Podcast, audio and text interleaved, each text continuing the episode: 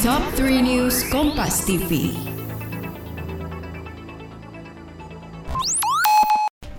Hai Sobat Kompas TV, saatnya kita update 3 berita terpopuler yang terjadi pada hari ini, Senin 13 Desember 2021.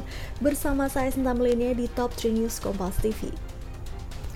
Baiklah sahabat Kompas TV ke berita pertama, anggota DPR Komisi 6 Mulan Jamila dan suaminya Ahmad Dhani menjadi perbincangan di media sosial lantaran keduanya dan anak-anaknya diduga tak menjalankan aturan karantina mandiri usai pulang dari Turki.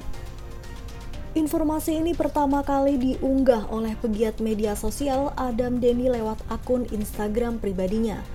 Adam Deni memposting foto ketika keluarga Mulan Jamila dan Ahmad Dhani berada di Turki. Adam Deni mendapat informasi mengenai hal itu dari seorang warganet. Mulan dan Ahmad Dhani diduga tak menjalani karantina seperti yang diatur oleh Satgas COVID-19 yaitu 10 hari karantina. Namun, pengacara Ahmad Dhani Ali Lubis menepis hal tersebut. Apa iya definisi perempuan cantik itu hanya dari fisiknya semata? Yuk simak pengalaman para perempuan dalam pertama kali berhijab, penyitas perundungan, hingga pejuang jerawat hanya di podcast Semua Bisa Cantik. Persembahan Stylo Indonesia dan KG Media. Keberita selanjutnya, seorang perempuan korban perampokan diduga dimarahi oleh anggota Polsek Pulau Gadung, Jakarta Timur saat melapor. Kasus ini pun sempat viral menjadi perbincangan di media sosial. Kapolres Metro Jakarta Timur Kombes Erwin Kurniawan menjelaskan bahwa Propam Polres Jakarta Timur telah memeriksa anggota Polsek Pulau Gadung tersebut. Meski begitu, Kapolres Jakarta Timur menegaskan sejak awal bahwa laporan korban perampokan telah diterima. Namun, ada pernyataan dari anggotanya yang diduga menyinggung korban sehingga korban menganggap laporannya tidak diterima.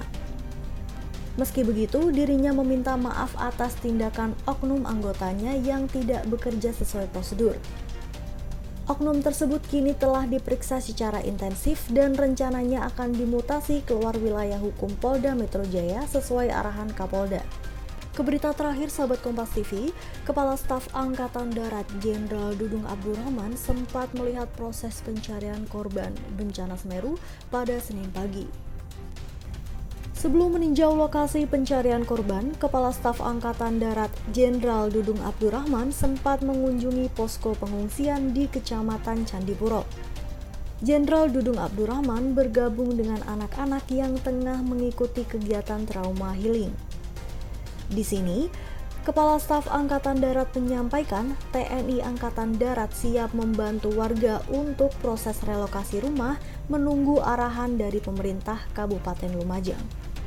Oke sahabat Kompas TV, itu dia tiga berita terpopuler yang terjadi pada hari ini. Saya Senamilnya pamit undur diri dan sampai jumpa.